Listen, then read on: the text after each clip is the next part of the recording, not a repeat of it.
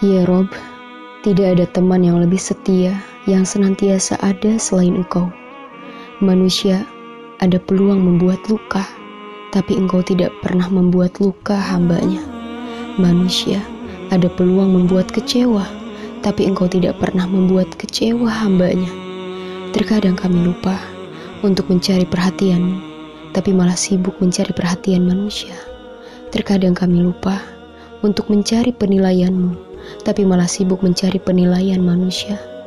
Terkadang kami lupa untuk menggantungkan segala harap hanya kepadamu, tapi malah menaruh harap kepada manusia.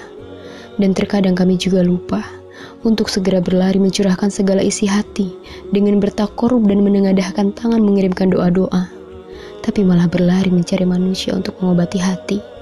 Padahal engkau lebih dekat dari urat nadi, senantiasa mendengar setiap curahan hati, senantiasa menjawab setiap yang dibutuhkan seorang hamba, senantiasa membukakan jalan dari setiap rintangan.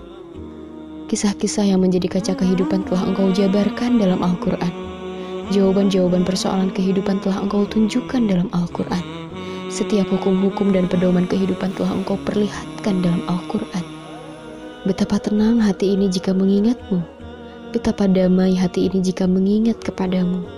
Karena tahu, engkau tidak pernah mendolimi setiap hambanya. Kecuali tangan-tangan kamilah yang senantiasa mendolimi diri sendiri.